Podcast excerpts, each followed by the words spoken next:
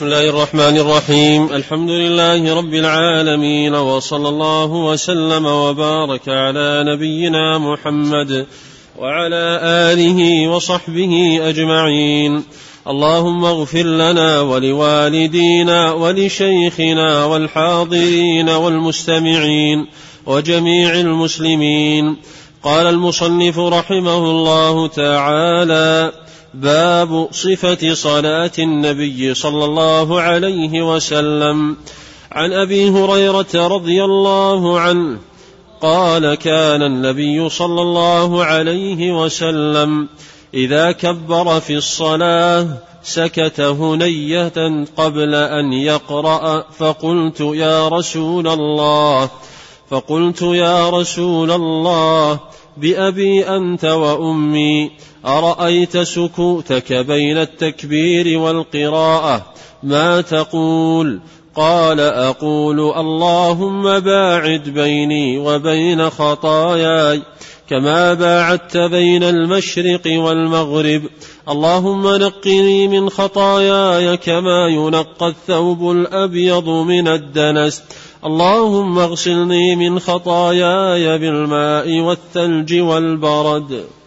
وعن عائشة رضي الله عنها قالت كان رسول الله صلى الله عليه وسلم يستفتح الصلاة بالتكبير والقراءة بالحمد لله رب العالمين. وكان إذا ركع لم يشخص رأسه ولم يصوبه ولكن بين ذلك وكان إذا رفع رأسه من الركوع لم يسجد حتى يستوي قائما وكان إذا رفع رأسه من السجدة لم يسجد حتى يستوي قاعدا وكان يقول في كل ركعتين التحية وكان يفرش رجله اليسرى وينصب رجله اليمنى وكان ينهى عن عقبة الشيطان وينهى أن يفرش الرجل ذراعيه افتراش السبع وكان يختم الصلاة بالتسليم. بسم الله الرحمن الرحيم. الحمد لله نحمده ونستعينه ونستغفره ونشهد أن لا إله إلا الله وحده لا شريك له وأن محمدا عبده وخليله ورسوله. أرسله رحمة للعالمين. فبلغ الرسالة صلى الله عليه وسلم وأدى الأمانة ونصح للأمة وجاهد في الله حق جهاده. صلوات الله وسلامه عليه. ورضوانه جل وعلا على أصحابه الذين آزروه ونصروه وجاهدوا معه وحملوا هذا العلم العظيم والدين القويم وبلغوه من جاء بعدهم فرضي الله عنهم وأرضاهم ومقت من يشنأهم هذا الحديث الأول.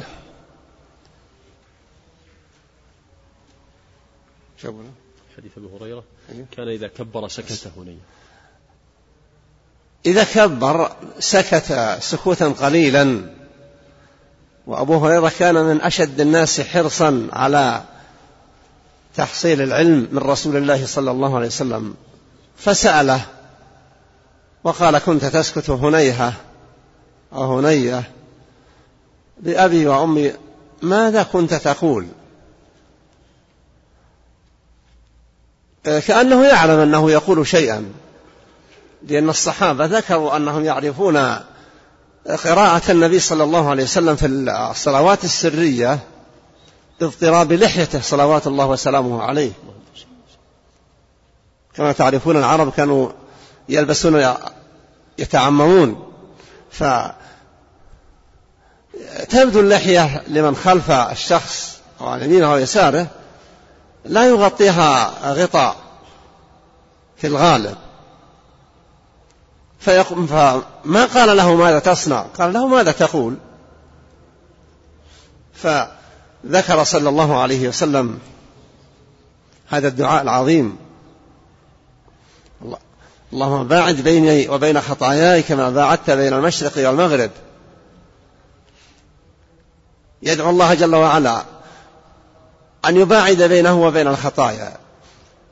إما آه، المكتسبة بأن يمحوها الله جل وعلا وتكون بعيدة التأثير عليه أو أن يحول بينه وبين ارتكابها.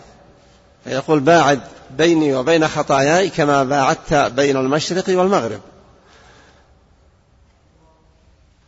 اللهم نقني من ذنوبي وخطاياي كما ينقى الثوب الأبيض من الدنس.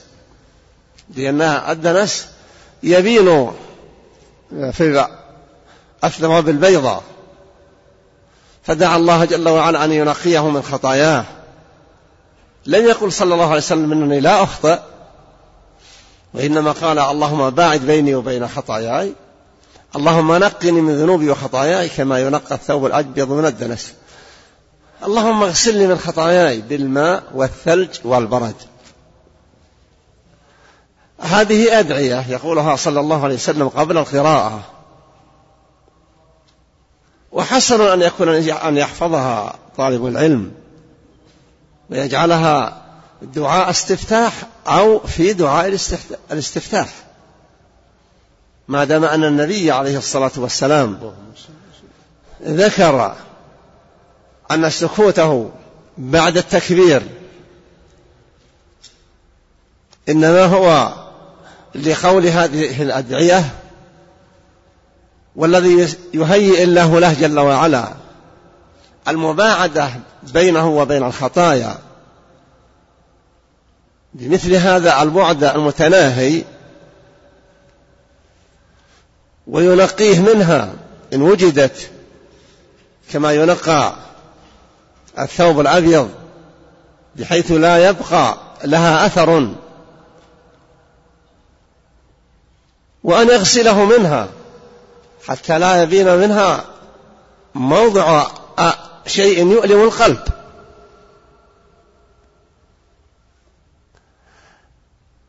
ما أحسن أن يتعاهد المسلم الأدعية النبوية؟ ما كان مرتبطا بالصلوات يقوله فيها وما كان طلقا لا ارتباط له بعمل معين يعتاد قوله في كل مناسبة وبغير مناسبة. الإنسان قد لا يدري أنه محتاج لحاجات متنوعة متعددة. قد لا يظن أنه يرتكب خطايا لا يدري عنها. وفي هذا الموقف العظيم الذي يقف الواحد يناجي ربه جل وعلا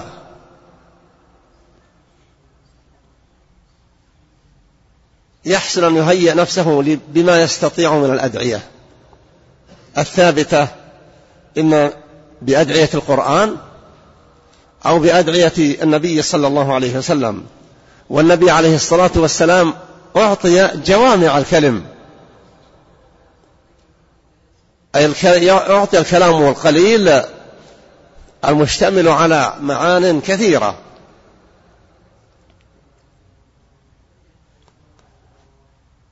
إذا غسل الإنسان غسل الجسد بالماء والثلج والبرد يقول قائل مثلا الماء هو المستعمل للتنقية والغسل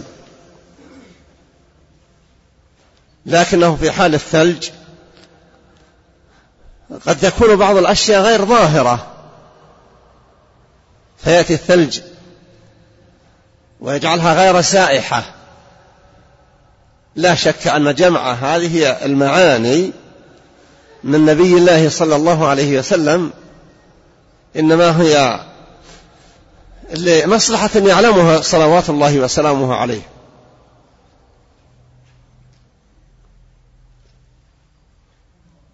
ينبغي للمسلم في دخوله في صلاته أن يتهيأ بدعاء الاستفتاح. أكثر الناس يحفظ الدعاء السائر وهو صحيح وثابت عن عمر رضي الله عنه. لكن ما ثبت عن سيد البشر أكمل وأتم وأعظم نفعا. ثم الإنسان لا يظن أو يطمع أنه لا خطايا له. إذا كان أشرف الخلق يدعو بهذه الأدعية في صلاته وقد يتكرر هذا اللفظ في اليوم على على الأقل خمس مرات. مع أن الله غفر لنبيه محمد صلى الله عليه وسلم ما تقدم من ذنبه وما تأخر. فينبغي لكل أحد مهما كان على قدر من الصلاح فيما يظهر له أن يلح على الله بمثل هذا الدعاء. هذا الحديث أول ما يتعلق بصيغة صلاة رسول الله صلى الله عليه وسلم إنما هو في هذا الموقف الذي لا يسمع عامة مع النبي صلى الله عليه وسلم ما يقوله وأبو هريرة رضي الله عنه الذي كان أحرص أو من أحرص الناس على معرفة ما يقوله رسول الله صلى الله عليه وسلم. وحفظ ما يقوله رسول الله صلى الله عليه وسلم. ولذلك ترك لنا رضي الله عنه ثروة عظيمة من الأحاديث. فيكاد أن يكون أكثر الصحابة حديثا عن رسول الله صلى الله عليه وسلم. هو يذكر رضي الله عنه أن عبد الله بن عمرو بن العاص ربما يكون أكثر منه. ويعلل ذلك يقول بأن عبد الله بن عمرو رضي الله عنهما كان يكتب وأبو هريرة ما كان يكتب رضي الله عنهم أجمعين. الحديث الثاني حديث عائشة فيه ذكر صفة النبي صلى صفة صلاة النبي صلى الله عليه وسلم. تذكر أنه إذا بدأ الصلاة بالتكبير كبر لا يبدأ الصلاة بشيء غير التكبير. فمفتاح هذه الفريضة العظيمة هو التكبير. أن يقول المصلي الله أكبر. يعني الله أكبر من كل شيء. جل وعلا. هو الفعال لما يريد. وكان يفتتح القراءة بالحمد لله الحمد لله. وهذا حجة من يقولون إن بسم الله الرحمن الرحيم لا يجهر بها في قراءة الفاتحة. كما جاء في حديث أنس بن مالك وصليت مع رسول الله صلى الله عليه وسلم وأبي بكر وعمر وعثمان فكانوا يفتتحون القراءة بالحمد لله. ما كانوا يذكرون بسم الله الرحمن الرحيم. لكن قد يكونون يقرؤونها في السر إنما ما كانوا يجهرون. فقول عائشة رضي الله عنها في هذا الحديث يفتتح الصلاة بالتكبير والقراءة بالحمد بالحمد لله. فهذا من أقوى الحجج ولا شك أنه حجة صحيحة. ولهذا اختلف العلماء هل لو صلى المصلي ولم يقرأ مع الفاتحة بسم الله الرحمن الرحيم وإنما شرع بعد التكبير بقراءة الفاتحة دون بسم الله الرحمن الرحيم. هل تصح صلاته أو لا؟ محل خلاف. ولا شك أن الصحيح أنها تصح. لأن معنى هذا الحديث يدل عليه. والحديث القدسي الذي يقول الله جل وعلا فيه قسمت الصلاة بيني وبين عبدي نصفين ولعبدنا سأل. فإذا قال العبد الحمد لله رب العالمين قال الله حمدني عبدي. فلو أن بسم الله لازمة ولا تتم الصلاة إلا بها لكانت الإشارة إليها. ومع هذا لا ينبغي لأحد أبدا أن يترك بسم الله الرحمن الرحيم. هي أثبتت في مقدمة سورة الفاتحة كما أثبتت في جميع السور. ما عدا براءة. وما دامت أثبتت بهذا الإثبات فلتقرأ لكن يقرأها القارئ فيما بينه وبين نفسه. ما دام أن عائشة وأنس وغيرهم يقول ذلك ذكر عائشة وأنس بن مالك أن النبي كان صلى الله عليه وسلم يفتتح القراءة بالحمد لله رب العالمين وليس بالتسمية. إنما يتقيد المصلي من إمام ومأموم بمراعاة هذا الابتداء بأن يكون ابتداؤه بالقراءة, بالقراءة في الصلاة بالحمد لله رب العالمين. لو سمى لا تبطل الصلاة لأن بسم الله الرحمن الرحيم من القرآن بإجماع الصحابة رضي الله عنهم فهي في سورة النمل جزء آية وهي أيضا في كل سورة ما عدا سورة التوبة براءة. ذكرت عائشة رضي الله عنها أن النبي صلى الله عليه وسلم إذا ركع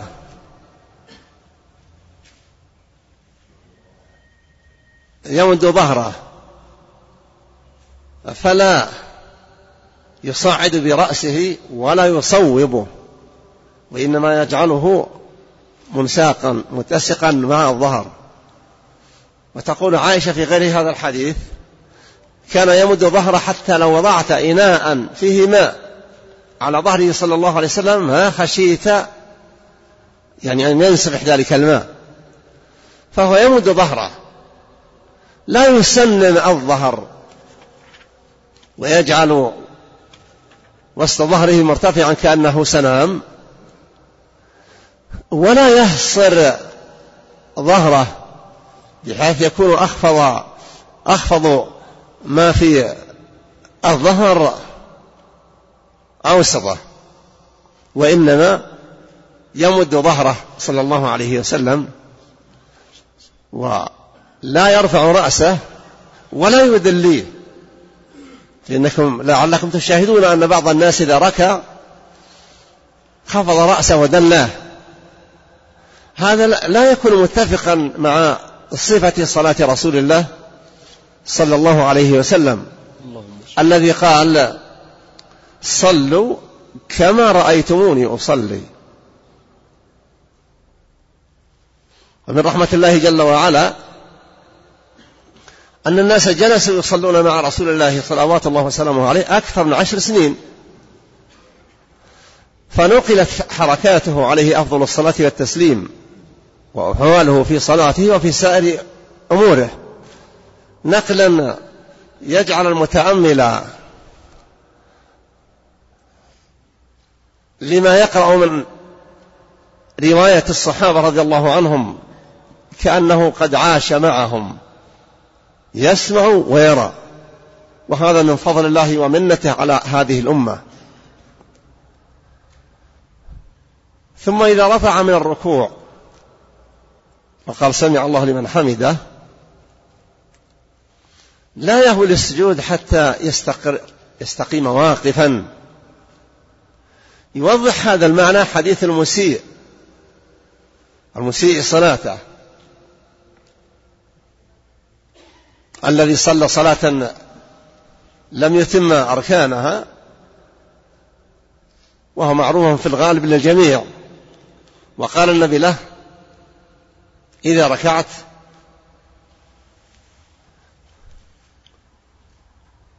فاطمئن راكعا وإذا رفعت فلا تركع تسجد حتى تعتدل قائما. فذكر ذكر له صورة الصلاة بدون تفصيل لمواقفها. فالنبي تقول عائشة رضي الله عنها إذا رفع لا يسجد حتى يتم استقامته ويكون مستقيما. ثم يسجد فإذا سجد ورفع من سجوده لا يعود حتى يستقيم في جلوسه يستقر في جلوسه. وتعني بذلك ما عناه هو صلى الله عليه وسلم في محادثته للمسيء صلاته. بأن يكون الإنسان في هذه العبادة حريصا على إكمالها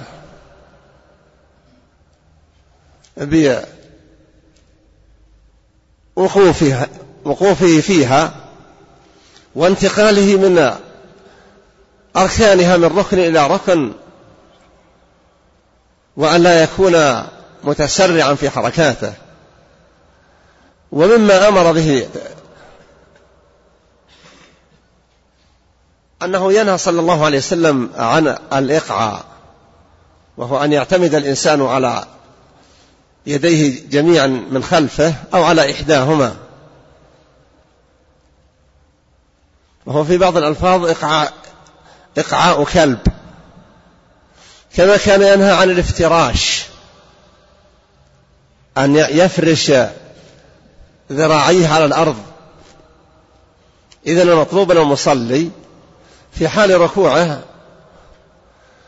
أن يمد ظهره وعنقه لا يرفع رأسه رفعا ولا يدليه تدلية.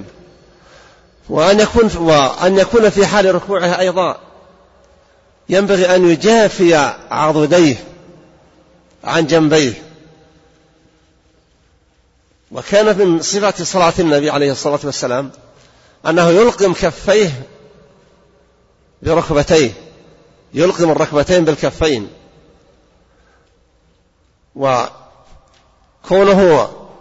غير آه، آه، منحصر منحصر الظهر ولا محنب الظهر يدل على أنه أيضا يجافي لأن كثيرا من الناس لو صلب يديه من وضع الركبتين لصار في وضع يرتفع صدره ونحره وينخفض مؤخره. فلا يتأتى وصف امتداد الظهر وكمال صورة صلاة النبي صلى الله عليه وسلم.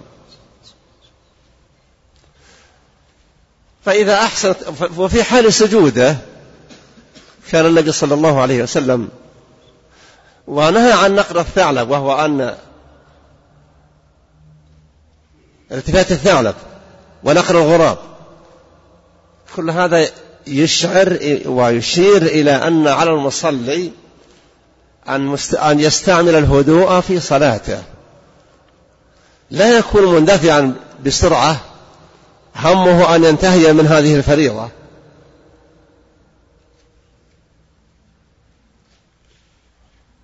ليحرص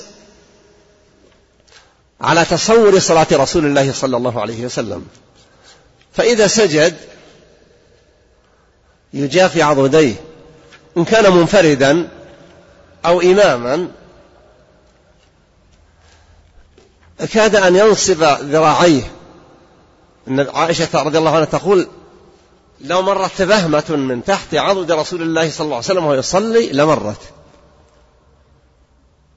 يعني ينصب ذراعه ويفرش كفه على الأرض وإن كان يقدم حتى يكون الأصابع الوجه بين أصابع اليدين ثم يجافي العضدين ويرفع العضد ينصب الذراع. أما إذا صلى الواحد مع الجماعة فعليه أن يراعي من يصافه بحيث لا يؤذيه بمرفقة. لا سيما والناس مطلوب منهم في الصلاة أن يكونوا على وضع تراص بحيث لا تكون بين كل واحد والآخر فرجة. فإن النبي صلى الله عليه وسلم أمر بالتلاحم والتراص وأخبر أنه يرى الشيطان يمر بين الصف كالحذف يعني كصغار الغنم.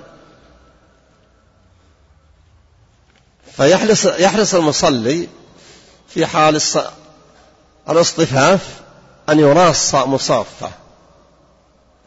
لكن بحيث لا يؤذيه. فإن بعض الناس ربما فرج بين قدميه حتى يلصقهما بقدم مجاورة.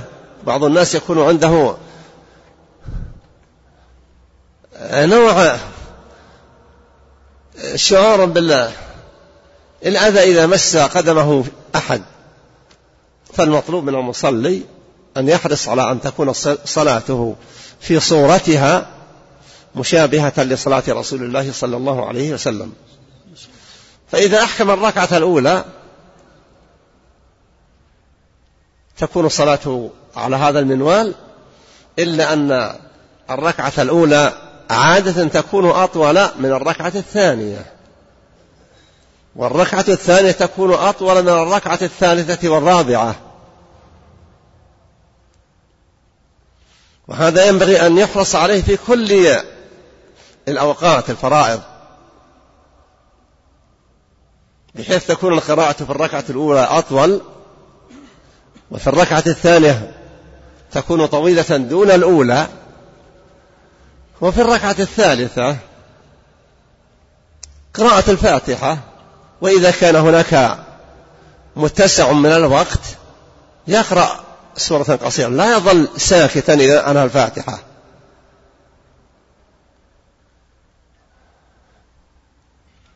وإذا أراد السلام من الصلاة الأولى أن يتورك. وأما في التشهد الأول فإنه يفترش القدم اليسرى يجلس عليها وينصب القدم اليمنى. وفي التشهد الأخير يتورك. يكون جلوسه على الأرض بمقعدته ويخرج قدمه اليسرى من تحت فخذه وينصب اليمنى. وهذه سنن. إلا أن مشابهة صلاة رسول الله صلى الله عليه وسلم في فعله واجب حسب القدرة. لو كان الواحد تؤلمه ركبتاه أو في قدمه أذى وألم أو غير ذلك مما يمنعه من بعض المشابهة لصلاة النبي صلى الله عليه وسلم فإن الله يقول فاتقوا الله ما استطعتم. وكان يقول في كل ركعتين التحية. تقصد رضي الله عنها أنه يصلي إذا صلى ركعتين جلس وقرأ التشهد. وهذا في الرباعية والمغرب. يتشهد التشهد الأول. والشأن في التشهد الأول أيضا أنه لا يطيله إلا إذا كان يعقبه سلاما. بحيث لم يكن هناك تشهد آخر كصلاة الفجر أو النوافل. وأما في التشهد الأول في الصلوات الرباعية والمغرب ينبغي أن يكون التشهد الأول أقصر من التشهد الثاني. وفي بعض الألفاظ أن النبي في تشهده الأول كأنه على الرضف وبعض الناس يطيل الجلسة في التشهد الأول كما يطيله في التشهد الثاني الأخير. والشأن في الصلاة أن أولياتها أطول من أخرياتها في القراءة بالخصوص. والركوع قد يطيل الإنسان الركوع. رجاء أن يدركه اللاحق. وكان ينهى عن عقبة الشيطان. عقبة الشيطان هي لا التي يتكئ الواحد على يده. وينهى عن أن يفرش الرجل ذراعيه افتراش السبع. أشرت إلى هذا. الافتراش وبعض الناس وبخاصة الذين لا صلة لهم بالأحاديث بالسنة. إذا سجد بسط ذراعه على الأرض.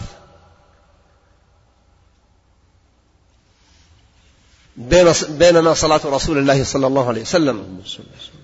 وهو الموضح ومبين لنا مراد الله جل وعلا والكيفية التي يريدها الله من المصلي في أداء هذه العبادة. كان عليه الصلاة والسلام لا يفترش وكان ينصب ذراعه ويبسط كفه على الأرض ويبسط ذراعه بحيث لو مرت بهمة صغيرة مرت من تحت عضده. وهذا كما أشرت لصلاة الإمام أو المنفرد. وأما من يصاف الناس يراعيهم فيما يفعل. الله وعن عبد الله بن عمر رضي الله عنه أن النبي صلى الله عليه وسلم كان يرفع يديه حذو منكبيه إذا افتتح الصلاة وإذا كبر للركوع وإذا رفع رأسه من الركوع رفعهما كذلك وقال سمع الله لمن حمده ربنا ولك الحمد وكان لا يفعل ذلك في السجود هذا رفع اليدين. إذا أراد الإنسان الدخول في هذه العبادة رفع يديه كفيه بحيث تكون موازية لكتفيه وتكاد تصل أطراف الأصابع إلى فروع الأذنين. هذه المواطن الثلاثة عامة الناس يقولون بها يفعلونها. من عامة العلماء. الأحناف يرون أن رفع اليدين فقط في التكبيرة الأولى. في افتتاح الصلاة. ومع سواها لا يرفعون الأيدي. وقد لا يكون بلغهم ما ثبت من الأحاديث عن فعل رسول الله صلى الله عليه وسلم. وهناك موطن رابع أيضا رواه ابن عمر رضي الله عنهما وهو في الصحيح. إذا قام من التشهد الأول إذا قام من التشهد الأول رفع يديه.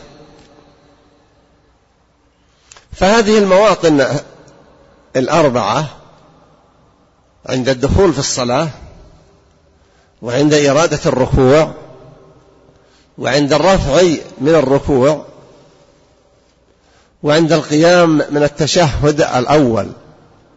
إذا قام من الركعتين لما بقي من صلاته كان يرفع صلى الله عليه وسلم يديه إلى حذو منكبيه إلى حذو الكتفين.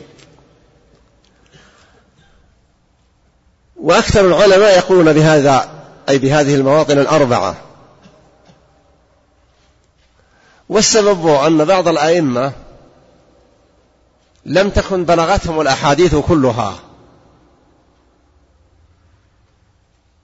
وإلا فإنه لا يعقل أن أحدا يبلغه الحديث الصحيح عن النبي صلى الله عليه وسلم ثم يتعمد لمخالفته.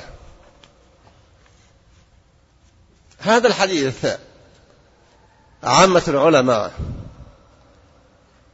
المتقدمون. معروف عندهم وحديث عبد الله بن عمر الذي فيه الفريضة فيه الرفع من الركعتين لم يقل به الشافعي رضي الله عنه نصا لكن يقول علماء الشافعية إن الإمام الشافعي يقول إذا صح الحديث فهو مذهبي واضربوا بقولي عرض الحائط إذا ما دام والحديث صح. حديث رواه البخاري وغيره. فهذه المواطن ينبغي أن يحرص عليها الإنسان. وأنا أشاهد كثيرا من الناس وبعضهم أئمة في مساجد لا يولي رفع اليدين عناية تامة. وربما أشار إلى يديه شرط رفعها بحيث لا تتجاوز الكفان محاذاة السرة. الذي خلفه لا يدري أنه رفع يديه. إن كان مطلعا على السنة ظن أن هذا الإمام قد خالف السنة. وإن كان غير مطلع قال إن هذا الإمام أعلم. فينبغي للإمام أيضا أن يكون معلما بأفعاله لسنة رسول الله صلى الله عليه وسلم.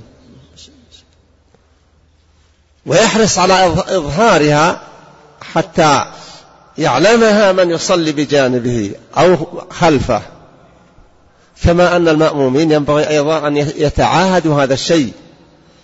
وأنتم تشاهدون كثيرا من الناس لا يهتم برفع اليدين في رفعه من الركوع ولا في رفعه من التشهد الأول.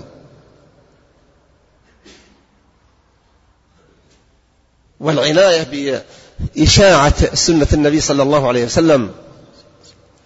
داخل في معنى حديث نظر الله امرؤا سمع منا مقالة فبلغها كما سمعها. فكذلك من شاهد فعلا لرسول الله صلى الله عليه وسلم فعلا تعليميا ينبغي أن يحرص على إظهاره. أعظم ما بيننا وما نقوم به في حياتنا في هذه الصلاة. فإذا وفق العبد للاعتناء بها ومراقبة نفسه فيما يؤديه من صفاتها وألزم نفسه على أن يكون متقيدا بالسنة ألف هذا العمل واعتاده حتى صار حتى يصير خلقا له. لا ينفك عنه. نعم. وعن ابن عباس رضي الله عنهما قال قال رسول الله صلى الله عليه وسلم أمرت أن أسجد على سبعة أعظم على الجبهة وأشار بيده إلى أنفه واليدين والركبتين وأطراف القدمين. هذا الحديث الصحيح. في الغالب أن الناس يتقيدون به وقد يحصل نقص فيما يتعلق بالأنف. النبي ذكر جبهة ومعلوم أن الأنف متصل بالجبهة. وليس بعظم منفصل لا علاقة له بالجبهة. ومع ذلك أشار إليه صلوات الله وسلامه عليه. فيقول أمرت أن أسجد على سبعة أعظم. الوجه وأشرف ما بابن آدم في ظاهره الوجه. وأعلى مقامات ابن آدم في صلاته حال, سجو حال, حال سجوده. لأن النبي عليه الصلاة والسلام يقول أقرب ما يكون العبد من ربه وهو ساجد. هذا القرب ينبغي أيضا أن يستغله العبد. وأن يلح على ربه جل وعلا بتثبيته على الحق. وصيانته والدفاع عنه. وتوفيقه للرضا بما يقضيه الله جل وعلا للعبد. لا شك أن ابن آدم لا يعرف حقائق الأمور كلها. كلها. لكن عليه أن يجتهد في طلب ما يسره وإذا أتاه ما لا يريد وصار الأمر أمرا واقعا يرضى بالقضاء والقدر. ما أصابك لم يكن ليخطئك.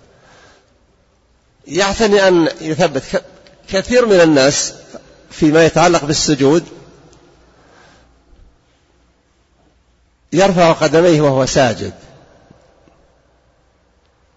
هذا لا تصح صلاته إذا لم تمس موضع السجود.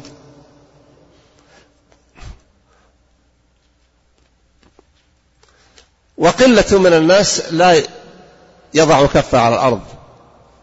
إما أن يتساهل أو يضع الكفين على الفخذين ويسجد. وهذا أيضا يشاهد من راقب الناس وجد بعض الناس إذا أراد أن يسجد وضع كفيه على أطراف ركبتيه وسجد. والنبي صلى الله عليه وسلم يقول أمر أمرت وآمره هو الله جل وعلا. إذا هذه العبادة لها شأن عظيم. يحتاج العبد إلى أن يتعاهدها تعاهدا بينا في هدوئه فيها وأدائه وحرصه عليها واستحضار مطالبه واستحضار ما يرجو الخلاص منه. بأن يستعيذ الله من الفتن لا سيما ووقتنا هذا وقت تكاثر الفتن في بيت الإنسان في متجره في سوقه بل في مساجد الناس. يحرص الإنسان على سؤال الله رب جل وعلا أن يجيره من الفتن ما ظهر منها وما بطن وأن يمنحه البصيرة. ويحرص في سجوده على التأني بعض الناس أيضا إذا سجد سجد سجودا طويلا وربما جعل سجدة طويلة جدا والأخرى دون ذلك. صلاة النبي صلى الله عليه وسلم فيها تقارب. لا تجد شيئا تقول هذا فيه فرق شاسع عن الآخر. فيحتاج المسلم إلى أن يحرص على تقارب أعماله في صلاته. وعن أبي هريرة رضي الله عنه قال كان رسول الله صلى الله عليه وسلم إذا قام إلى الصلاة يكبر حين يقوم ثم يكبر حين يركع ثم يقول سمع الله لمن حمده حين يرفع صلبه من الركعة ثم يقول وهو قائم ربنا ولك الحمد. ثم يكبر حين يهوي ثم يكبر حين يرفع رأسه ثم يكبر حين يسجد ثم يكبر حين يرفع رأسه ثم يفعل ذلك في صلاته كلها حتى يقضيها ويكبر حين يقوم من الثنتين بعد الجلوس. وعن مطرف بن عبد الله قال صليت أنا وعمران بن حسين رضي الله عنهما خلف علي بن أبي طالب رضي الله عنه فكان إذا سجد كبر وإذا رفع رأسه كبر وإذا نهض من الركعتين كبر فلما قضى الصلاة أخذ بيدي عمران بن الحصين فقال ذكرني هذا صلاة محمد صلى الله عليه وسلم أو قال صلى بنا صلاة محمد صلى الله عليه وسلم. لا شك أن في هذا الحديث للمتأمل استغرابا هذا في عهد الصحابة آخر الصحابة. لما صلى مطرف ابن عبد الله بن الشخير أبوه صحابي رضي الله عنه مع عمران بن حصين رضي الله عنهم وعن أبيه مع علي رضي الله عنه كان يكبر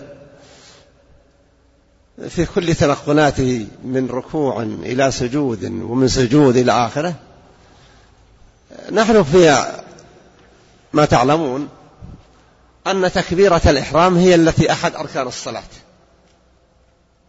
شيخ الإسلام محمد بن عبد الوهاب في ثلاثة الأصول لما ذكر أركان الصلاة ذكر تكبيرة الإحرام منها والتكبيرات الباقية ذكرها مع الواجبات.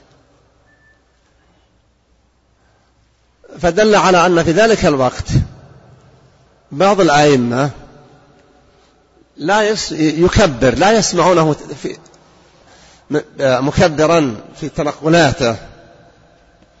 ولما صلى عمران رضي الله عنه ومعه مطرف بن عبد الله بن الشخير رحمه الله ورضي عن أبيه قال ذكرني بصلاته صلاة رسول الله صلى الله عليه وسلم. وفي لفظ صلى بنا صلاة رسول الله صلى الله عليه وسلم. قصدي من هذا أن الولاة في الزمن القديم يحصل منهم مخالفات وتساهل. الصلاة صحيحة لو لو صلى إنسان ولم يكبر للركوع لكن لم يخفى انتقاله من القيام للركوع فالصلاة صحيحة إلا أنه أخل بواجبات. والعلماء يرون أن من أخل بركن من أركان الصلاة لم تصح صلاته. ومن أخل بواجب جبر هذا الإخلال سجود السهو. الذي ينبغي لكل أحد أن يتجنب أسباب سجود السهو بحيث يحسن استذكار أعمال صلاته. وكأن عمران لما كان يصلي في جهة أخرى كان الإمام لا يكبر عند الركوع ولا عند السجود. فلما صلى مع علي رضي الله عنه قال هذه المقولة وأنها صلاة رسول الله صلى الله عليه وسلم. في حديث نعم. في نفس الحديث نعم. الحديث الذي قبله؟ له نفس الحديث حديث عم... نعم حديث عمران قال كان إذا سجد كبر وإذا رفع رأسه كبر وإذا نهض بين الركعتين كبر فلما قضى الصلاة أخذ بيدي فقال ذكرني هذا صلاة. خشيت أنه مرة لفظة وغابت عن ذهني. هذه ينبغي للمسلم أن يتعاهدها إذا صلى وحده أو صلى إماما أو مأموما أن يتعاهد تكبيرات الانتقال من كل ركن من الأركان يكبر معه. في موضع واحد ليس فيه تكبير فيه سمع الله لمن حمده ربنا ولك الحمد. وهذه مرت دون أن نتكلم عليها. فيها خلاف بين أهل العلم. هل المأموم والإمام والمنفرد كل منهم يقول سمع الله لمن حمده ربنا ولك الحمد؟ أو أن سمع الله لمن حمده خاصة بالإمام والمأموم له ربنا ولك الحمد؟ أو أن الإمام ليس له ربنا ولك الحمد. الصحيح.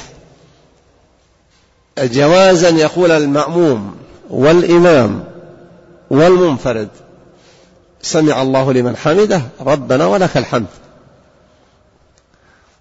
إلا أن المأمومين إذا اقتصروا على ربنا ولك الحمد. لحديث النبي إذا قال سمع الله لمن حمده فقولوا ربنا لك الحمد. يكون هذا أنسب في الحديث لهذا الحديث. في ألفاظ. اللهم ربنا ولك الحمد.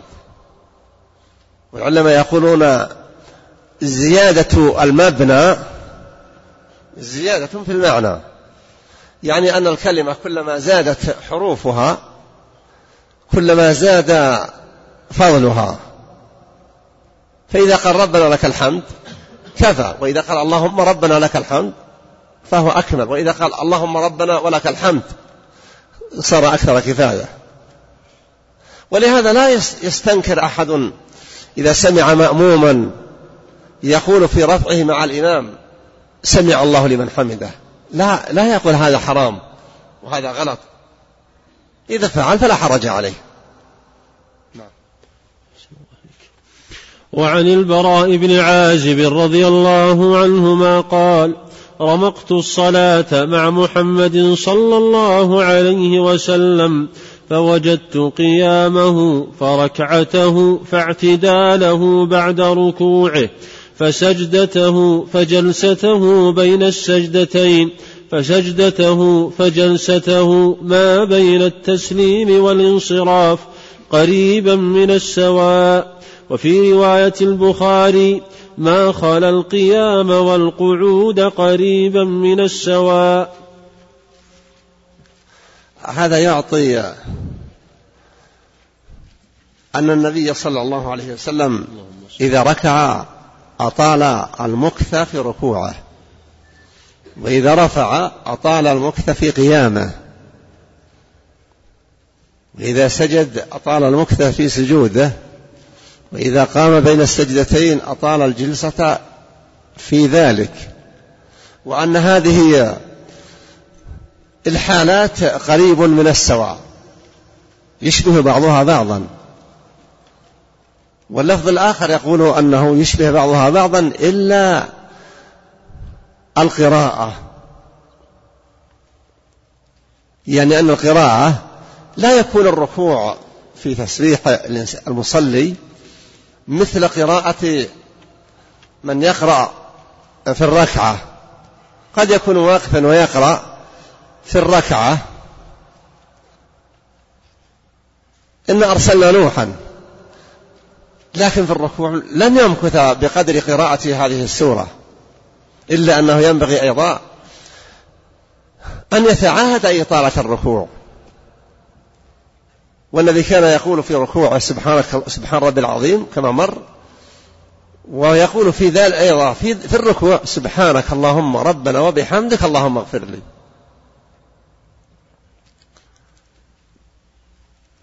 فكون المصلي يفكر في إطالة هذه الأركان وأن تكون متقاربة بالطول وقوله نحو من ذلك يعني قريبا منه. إلا أنه أيضا ينبغي أن تكون الصلاة أيضا متشابهة. لا تصلي مع هذا الإمام.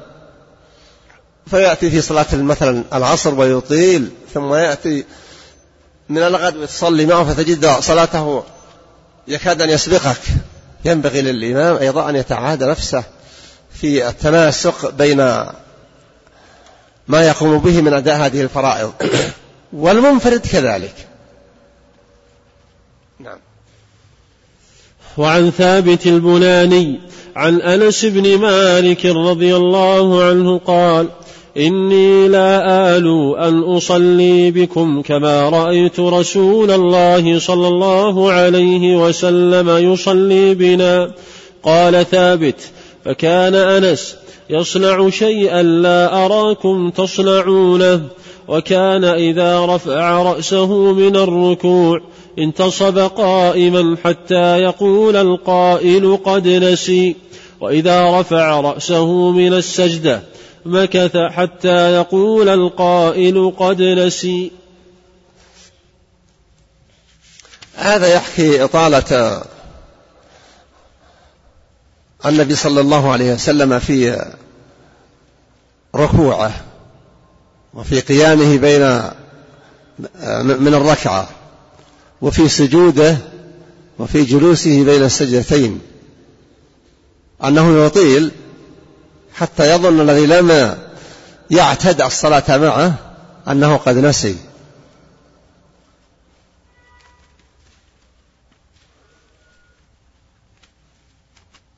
قوله لعله قد نسي يدل على أن هذه ليست هي العادة المستمرة. لأنه لو كانت العادة المستمرة ما توهم من وراءه أنه قد نسي. لأن من كانت عادته خلاف ذلك فغيرها يقال قد نسي. وأما من كانت عادته هكذا لا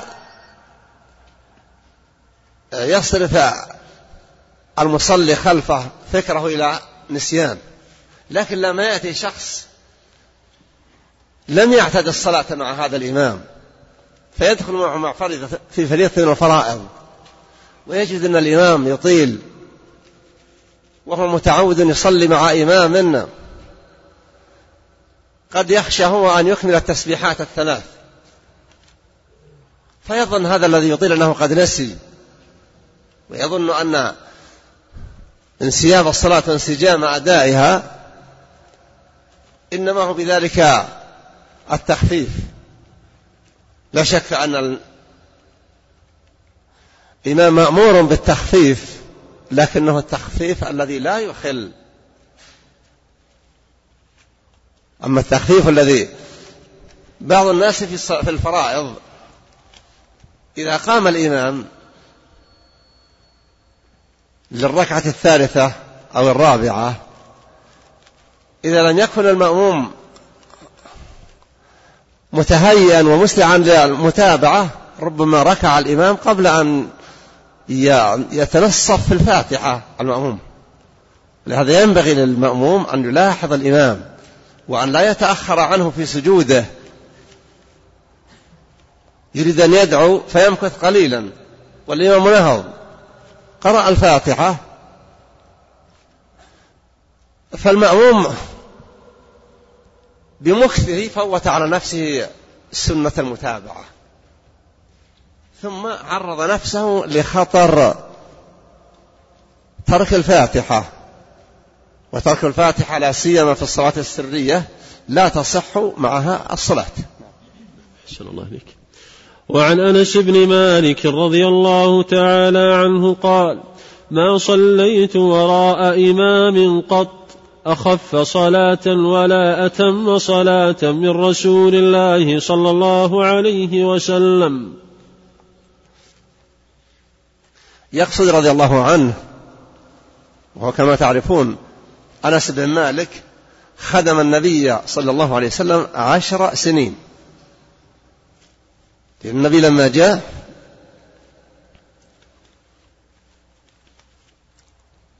عتت به أمه لأن والده قد توفي.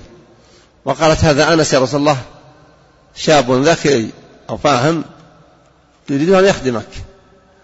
فكان خادما لرسول الله صلى الله عليه وسلم. فهو يذكر أنه يقول ما صليت خلف أحد؟ أتم صلاة ولا أخف من رسول الله صلى الله عليه وسلم. قوله أتم أنها صلاة متناسقة لا تنافر فيها. وأخف أي أنه لا يمل من يصلي معه في إطالات. لأني كما ذكرت لما تكون العادة التي تألفها أن إماما لا يقرأ أكثر من سورة الطارق في الركعة.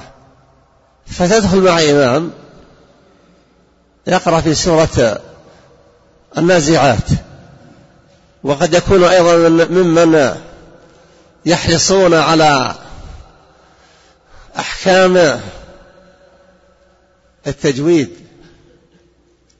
والضغط على الغنات وغيره فتكون السورة طويلة. فإذا ركع اجتزأ بثلاث تسبيحات. أنس رضي الله عنه فيما يذكر عن صلاة رسول الله صلى الله عليه وسلم. أنها ليست بالطويلة المملة ولا بالخفيفة المتلاحقة وإنما هي صلاة يطمئن فيها المصلي ولا يشعر أيضا بملل. أما من يصلي وحده فليفعل ما شاء إلا أنه لا يليق بالشخص أن يطيل إطالة فاحشة ثم يخفف الركوع والسجود تخفيفا فاحشا صلى الله عليك وعن أبي قلابة عبد الله بن زيد الجرمي البصري رضي الله عنه قال جاءنا مالك بن الحويرث رضي الله عنه في مسجدنا هذا فقال إني لأصلي بكم وما أريد الصلاة. أصلي كيف رأيت رسول الله صلى الله عليه وسلم يصلي. فقلت لأبي قلابة كيف كان يصلي؟ قال مثل صلاة شيخنا هذا. وكان يجلس إذا رفع رأسه من السجود قبل أن ينهض. أراد بشيخهم أبا بريد عمرو بن سلمة الجرمي. هذا أشار إلى ما يسمى بجلسة الاستراحة. جلسة الاستراحة موضعها إذا قام المصلي من الركعة الأولى للثانية وإذا قام المصلي من الركعة الثالثة للرابعة هو ثبت أن النبي صلى الله عليه وسلم فعلها. وهي ليست أيضا منتشرة الفعل في المذاهب الأربعة عند بعضهم دون بعضهم وهي ثابتة. كما فيما سمعنا وأوسع من ذلك. لكن الإمام إذا كان الناس يعرفون طريقته وأنه يعتاد أن يجلس جلسة استراحة فلا حرج وإذا كانوا لا يعرفون فإنه إذا قام وجلس وقد كبر قبل أن ينهض سبقه الناس للقيام والشأن بالإمام أن يكون في جميع أحواله في صلاته متبوعا لا مسبوقا.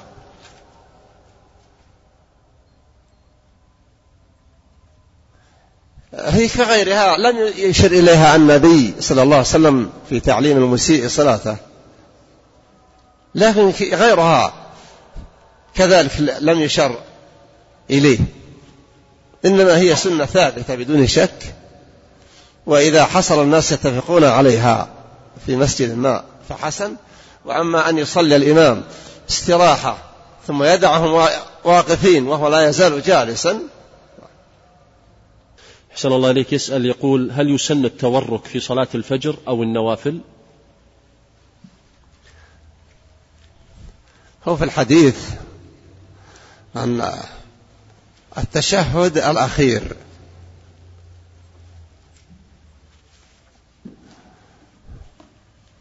وفي النوافل وصلاة الفجر ليس فيها تشهد أخير.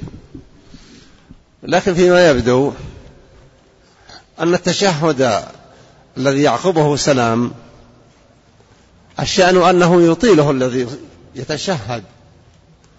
لأن الذي يقرأ التشهد الأول إنما يكتفي بقراءة التحيات إلى شهادة أن لا إله إلا الله وأن محمد رسول الله. وينبغي أن يقوم ولا بأس أن يصل التشهد بالصلاة على النبي صلى الله عليه وسلم. والسنة التخفيف في التشهد الأول. وأما التشهد الأخير فلأن الإنسان سوف يطيل الدعاء. وجاء في الحديث فليختر من المسألة ما شاء. يعني بعدما ينتهي من التشهد والصلاة على النبي الصلاة الكاملة والاستعاذة بالله من الأربع المسائل أي فليختر من الأسئلة ما شاء. وقد يطيل. فقد يكون جلوسه مفترشا يتعب قدمه. قد يكون هذا هو المراد. ولهذا اختلف العلماء هل التشهد الذي يعقبه سلام حكمه حكم التشهد الأخير. ممن يرى ذلك ابن القيم رحمة الله عليه. وأنا ما راجعت هذه المسائل لكن قديمة أتذكر لأنه في ابن القيم الظاهر أنه ذكر في زاد المعاد. نقل أثر أن النبي في تشهده الأول كأنما هو على الرضف يعني كأنه جالس على آه، حجارة حارة. فيسن الاستعجال في التشهد الأول. وأما التشهد الثاني فالأمر واسع يدعو بما شاء. نعم. أحسن الله إليك. يسأل يقول من رأيته يرفع قدميه وهو ساجد فهل آمره بإعادة الصلاة؟ إذا كان رفع, رفع قدميه ولم يمس بهما الأرض فصلاته لم تصح. لكن هل أنت تشاهده في نافلة؟ قد تشاهده في نافلة وقد تشاهده في فريضة هو منفرد بها. وإلا في الجماعة فأنت ستكون متابع للإمام. أحسن الله إليك. يقول رفع الله قدركم يا شيخنا هل هناك ضابط يعرف به الركن ويميز عن الواجب والسنة في الصلاة؟ نعم راجع كلام العلماء وستجد أنها مرتبات. شيخ الإسلام محمد بن عبد الوهاب ذكر أركان الصلاة أربعة عشر ركن. تكبيرة الإحرام وقراءة الفاتحة والركوع والرفع منه والسجود والجسد بين السجدتين وعددني إلى أن قال والتشهد الأخير والتسليمتان. والصلاة على النبي. وهي بالنسبة عند بعض العلماء ليست من أركان الصلاة. و عند أئمة الدعوة والمذهب مذهب أحمد أنها من أركان الصلاة. فالذين يستغيثون بالنبي صلى الله عليه وسلم وبآل البيت يقولون أن ابن عبد الوهاب وأتباعه وأتباعه لا يحبون النبي. يعني لا, لا يأذنون بأن أحدا يستغيث به ويقول مدد يا رسول الله. إنما هم يقولون إن الصلاة عليه في الفريضة ركن من أركان الصلاة. أحسن الله إليك. إذا صلى أحد السنة ركعتين فسهى فقام للثالثة فهل يجوز له أن يكمل ركعتين أخريين أو أنه يجب عليه أن يجلس ويتشهد ويسلم؟ في النافلة يتسامح بما لا يتسامح فيه بالفريضة لو فرض أنه صلى أربعا يريد أن يصلي أربع ركعات فقط. ثم قام للخامسة. إن هم أن يشفعها ويجعلها ستا صحت صلاته. فهي تختلف عن الفريضة الفريضة لو قام للخامسة وأراد أن يتمها بطلت الصلاة. هذه إن جلس وهو الأولى ليسلم من ركعتين لأن نيته في الأصل أنه يصلي ركعتين ويسلم منهما. إن جلس فهو الأولى لكن يسجد يسجد للسهو. ولا ينبغي له أن يخل بسجود السهو. يقول هذه نافلة. آه، ليست واجبة. هي نافلة حقيقة لكنك في أدائك لها لست بمخير تفعل ما شئت. وإنما تؤديها كما نقلت عن رسول الله صلى الله عليه وسلم. أحسن الله إليكم. يسأل هل هناك أدعية استفتاح غير ما ورد في حديث أبي هريرة؟ وما هو أفضل دعاء استفتاح إذا كان هناك غيره؟ فيها الذي عرفه الناس. سبحانك اللهم وبحمدك. بارك اسمك تعالى جدك إلى آخره. وفي أدعية أخرى إذا راجع الواحد كتاب أحد كتب الحديث وجد أشياء عدد منها نعم. أحسن الله يسأل يقول قول سبحان الله عند قراءة الإمام لآية فيها تعظيم لله سبحانه وتعالى هل يجوز؟ نعم النبي صلى الله عليه وسلم كما في ما رواه حذيفة رضي الله عنه وغيره وهو يصلي كان إذا مر بآية رحمة سأل الله وإذا مر بآية عذاب تعوذ استعاذ بالله. وإذا مر بآية تنزيه سبح الله ونزهه ويصح في الفريضة ما يصح في النافلة. وهذا في قراءة النبي صلى الله عليه وسلم الذي صلى ركعة واحدة صلى في رك... قرأ في ركعة واحدة أكثر من خمسة أجزاء. البقرة والنساء وآل عمران في ركعة واحدة. فكان إذا مر بآية رحمة سأل الله وإذا مر بآية عذاب تعوذ وإذا مر بآية تنزيه سبح الله ونزعه فكذلك خلف الإمام. نعم. أحسن الله إليكم. يقول ما حكم قراءة الفاتحة للمأموم في الصلاة الجهرية؟ إيه؟ حكم قراءة صلاة الفاتحة قراءة سورة الفاتحة للمأموم في الصلاة الجهرية.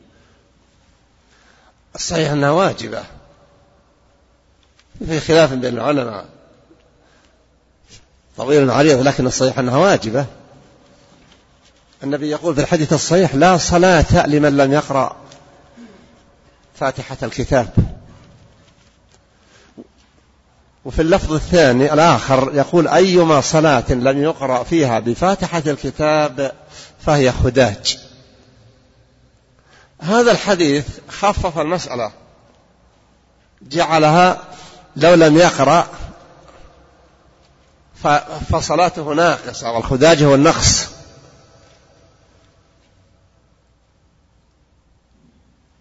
الحديث الأول يقول لا صلاة يعني ينفي حقيقة الصلاة. لكن لما جاء في الحديث الآخر أيما صلاة لم يقرأ فيها بفاتحة الكتاب فهي خداج جعل المسألة لم تبطل تلك الصلاة بطلانا لكنها ليست كصلاة من قرأ الفاتحة. ثم كما أشرت الله جل وعلا سمى قراءة الفاتحة الصلاة. قسمت الصلاة بيني وبين عبدي نصفين ولعبدي ما سأل إذا قال العبد الحمد لله قال الله حمدني عبدي. إذا قال الرحمن الرحيم قال أثنى علي عبدي. مجدني عبدي. إذا قال مالك يوم الدين قال أثنى علي عبدي. مجدني عبدي. وليس أثنى علي. إذا قال إياك نعبد وإياك نستعين قال هذه بيني وبين عبدي. يعني إن صدق. ولعبدي ما سأل إن صدق لأنه لا يعبد أحدا غيري ولا يستعين بما لا يقدر عليه البشر إلا بي أنا قبل منه. وفي حديث آخر أيضا قال النبي للصحابة قال لعلكم أتقرأ أنتم لعلكم تقرؤون خلف إمامكم؟ قالوا نعم إنا لنفعل قال إني أقول ما لي أنازع القرآن لا تفعلوا إلا بأم الكتاب. أحسن الله إليكم. وشيخنا الفاضل حفظكم الله هل مذهب أبي حنيفة معتد به في المذاهب الفقهية؟ لا سيما وأنه قائم على الرأي أم أنه لا يعول عليه في الأحكام الشرعية؟ هل مذهب أبي حنيفة معتد به في المذاهب الفقهية؟ لا سيما وكله قائم على الرأي أم أنه لا يعول عليه في الأحكام الشرعية؟ سبحان الله. يقول الشافعي الناس عيال على أبي حنيفة في الفقه. وهو أحد الأئمة الأربعة الذي أجمع أهل السنة والجماعة على إمامتهم. ولا شك أن خلافه معتد به عند العلماء. هو صحيح. ليس كمالك ولا كالشافعي ولا كأحمد في الحديث. ولهذا لما تنازع الشافعي ومحمد بن الحسن في أي الإمامين مالك وأبي حنيفة قال الشافعي صاحبكم أعرف بلغة العرب أم صاحبنا؟ قال لا صاحبكم. يعني لا شك عندهم أن مالك وهو من ذي أصبح عربي أصل قال صاحبنا أعلم بحديث النبي صلى الله عليه وسلم أم صاحبكم؟ قال لا صاحبكم. قال بأقوال الصحابة قال صاحبكم. فقال الشافعي لا, لا محمد لم يبقى إلا القياس. ولا يقاس إلا على هذه الأشياء. ما يقاس إلا على القرآن والسنة إلى آخره.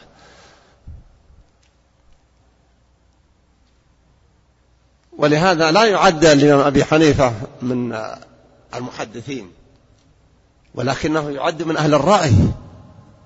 ولذلك في الصدر الأول يقول وهو قول أهل الرأي قال أبي حنيفة وأبي يوسف ومحمد وزفر.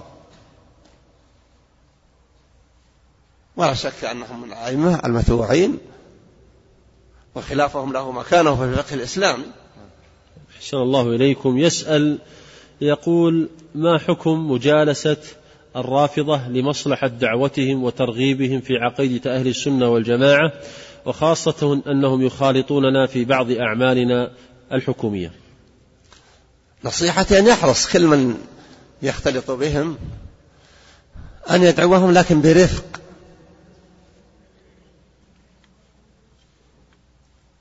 وينبغي أن يكون أن يتسلح أن يعرف الكتب التي يستطيع أن يقول لهم عنها. في من كتبهم يتعجب الواحد كيف يعقلون هذه الأشياء.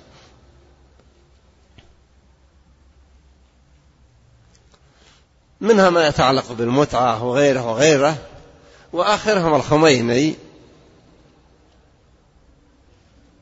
في كتاب الحكومة يذكر أن لأئمتهم مقاما لا يبلغه نبي مرسل ولا ملك مقرب. ويقول تخضع لهم ذرات هذا الكون.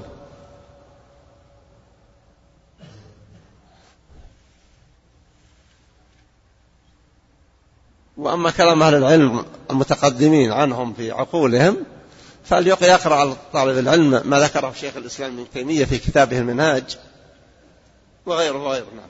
أحسن الله إليكم. يقول حكم الاستعانة في العلاج بعد الله عز وجل بالجن المسلمين هل يجوز؟ يعني هل يعرف الواحد أن هذا الجن إذا مسلم وأنه ثقة؟ ولو أشكى عليه أمر لسأل الآخرين عن هذا الشخص هل هو ثقة ثبت حتى يعتمد قوله؟ ثم هل استعان الصحابة بهم في شيء؟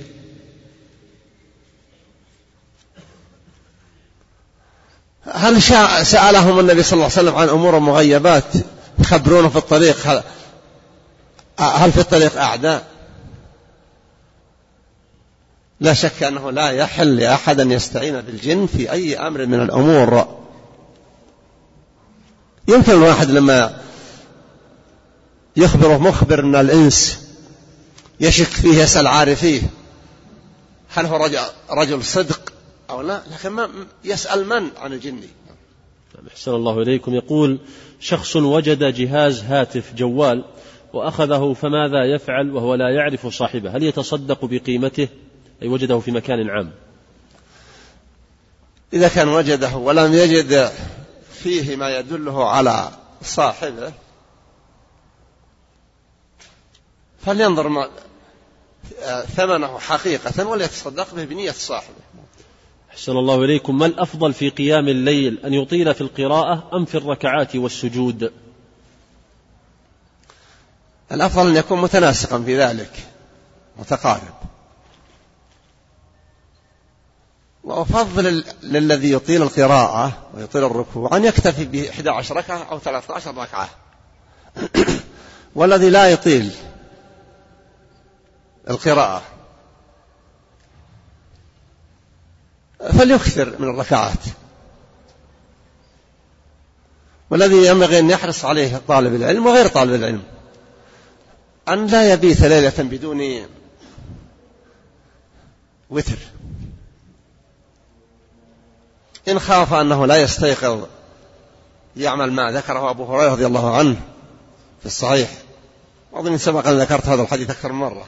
يقول أوصاني خليلي بثلاث لا أدعهن ما بقيت. أوصاني أن أوتر قبل أن أنام. وبالصيام ثلاثة أيام من كل شهر. وبركعتي الضحى. وكل هذه الأمور الثلاثة مهمة. صيام ثلاثة أيام يصير كأنه صام الشهر كله. أن يوتر قبل أن ينام استعمل الحزم حتى لا ينسى أو لا يعجز عن القيام.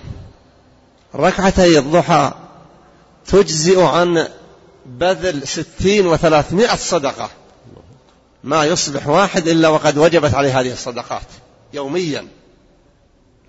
أحسن الله إليكم. يقول هل يجوز لي إذا كنت أنتظر رحلتي في المطار وحضرت الصلاة كصلاة المغرب مثلا أن أصلي معها العشاء قصرا بالتقديم وجمعا تقديم أم لا يجوز حتى أسافر؟ إن كنت من السكان الذين هم بجانب المطار فأنت لم تفارق مدينتك. وأما إذا كنت تسكن في هذه الأحياء وذهبت لمطار الرياض الآن فأنت أنشأت السفر ولا زلت في مراحله يجوز لك أن تجمع الصلاة تقصر العشاء وتصليها مع المغرب. أحسن الله إليكم سماحة الوالد. هذه بعض الأسئلة على الإنترنت من إخواننا. هذا من الإخوة من الجزائر. يقول هل تشرع مجادلة أهل الكتاب علانية أمام الناس؟ إذا احتاج الإنسان إلى مجادلتهم وطمع بأن هذه المجادلة ستثمر. وكان عارفا ما يجادل به فلا حرج. وعليه أن لا يتنقص التوراة ولا الإنجيل ولا يتنقص موسى وعيسى ولا أي نبي من الأنبياء. والنبي قال لا تفاضلوني على الأنبياء. أحسن الله إليكم. هذا يسأل أيضا من تونس يقول في بلادنا عندما تقوم بإنشاء محل للتجارة تقوم بدفع للدولة مبلغ على تأمين المرض إجباري. فما حكم هذا؟ ما دام أنه لا خيار لك ولا تستطيع إلا بذلك فأرجو أنه لا حرج عليك. نعم. وهذا يسأل ما حكم رفع اليدين في المقبرة لكي أدعو الله جل وعلا بأن يغفر للميت في قبره. الدعاء لأهل المقبرة مشروع في كل وقت. إذا جئت المقبرة المشروع أن تدعو لهم لا أن تستجير بهم. ورفع اليدين بالدعاء جائز. وقد ألف السيوطي رسالة في رفع اليدين. وجاء في الحديث الصحيح.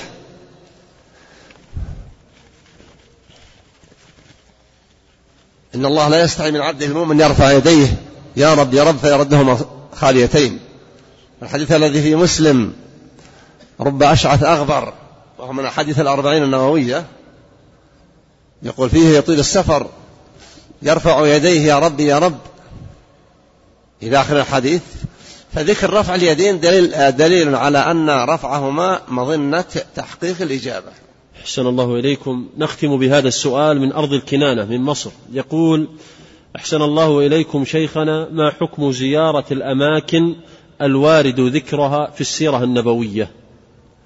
لا أدري ما هي هذه الأماكن. الفضل للمواقع لا يعرف إلا من حديث رسول الله صلى الله عليه وسلم. عمر رضي الله عنه لما حصلت بيعة الرضوان تحت الشجرة في خلافته ومروا. رأى ناس قال إلى أين؟ قال يصلون عند شجر الشجرة التي تمت البيع عليها. فذهب عمر رضي الله عنه وأمر بقطع تلك الشجرة. لأن تتبع ما لم يأمر النبي بتتبعه هذه من مضلات الفتن. يقول إنما أهلك من كان قبلكم بتتبعهم آثار أنبيائهم. هذه الآثار والحديث والحديث عنها وتعظيمها ليس أمرا مشروعا. هل أمر النبي بذلك؟ صلوات الله وسلامه عليه. هل أمر الصحابة رضي الله عنهم؟ هل اعتنى الخلفاء الراشدون؟ يمكن في ميدان جهاد. لما استقرت الأمور ولا عامة أهل العلم والصحابة الباقين لم يذهبوا للجهاد هل أحد منهم آه، أمر بأن يذهب إلى موضع كذا وموضع كذا؟ لا ينقل أبدا أن أحدا ذهب إلى غار ثور ليصلي فيه ولا إلى جبل حراء ولا إلى الطريق الذي ذهب معه النبي صلى الله عليه وسلم. يتركه النبي والصحابة رضي الله عنهم التابعون. ونأتي في وقتنا هذا ونقول هذا ينبغي أن نسعى في إحيائه. والله المستعان.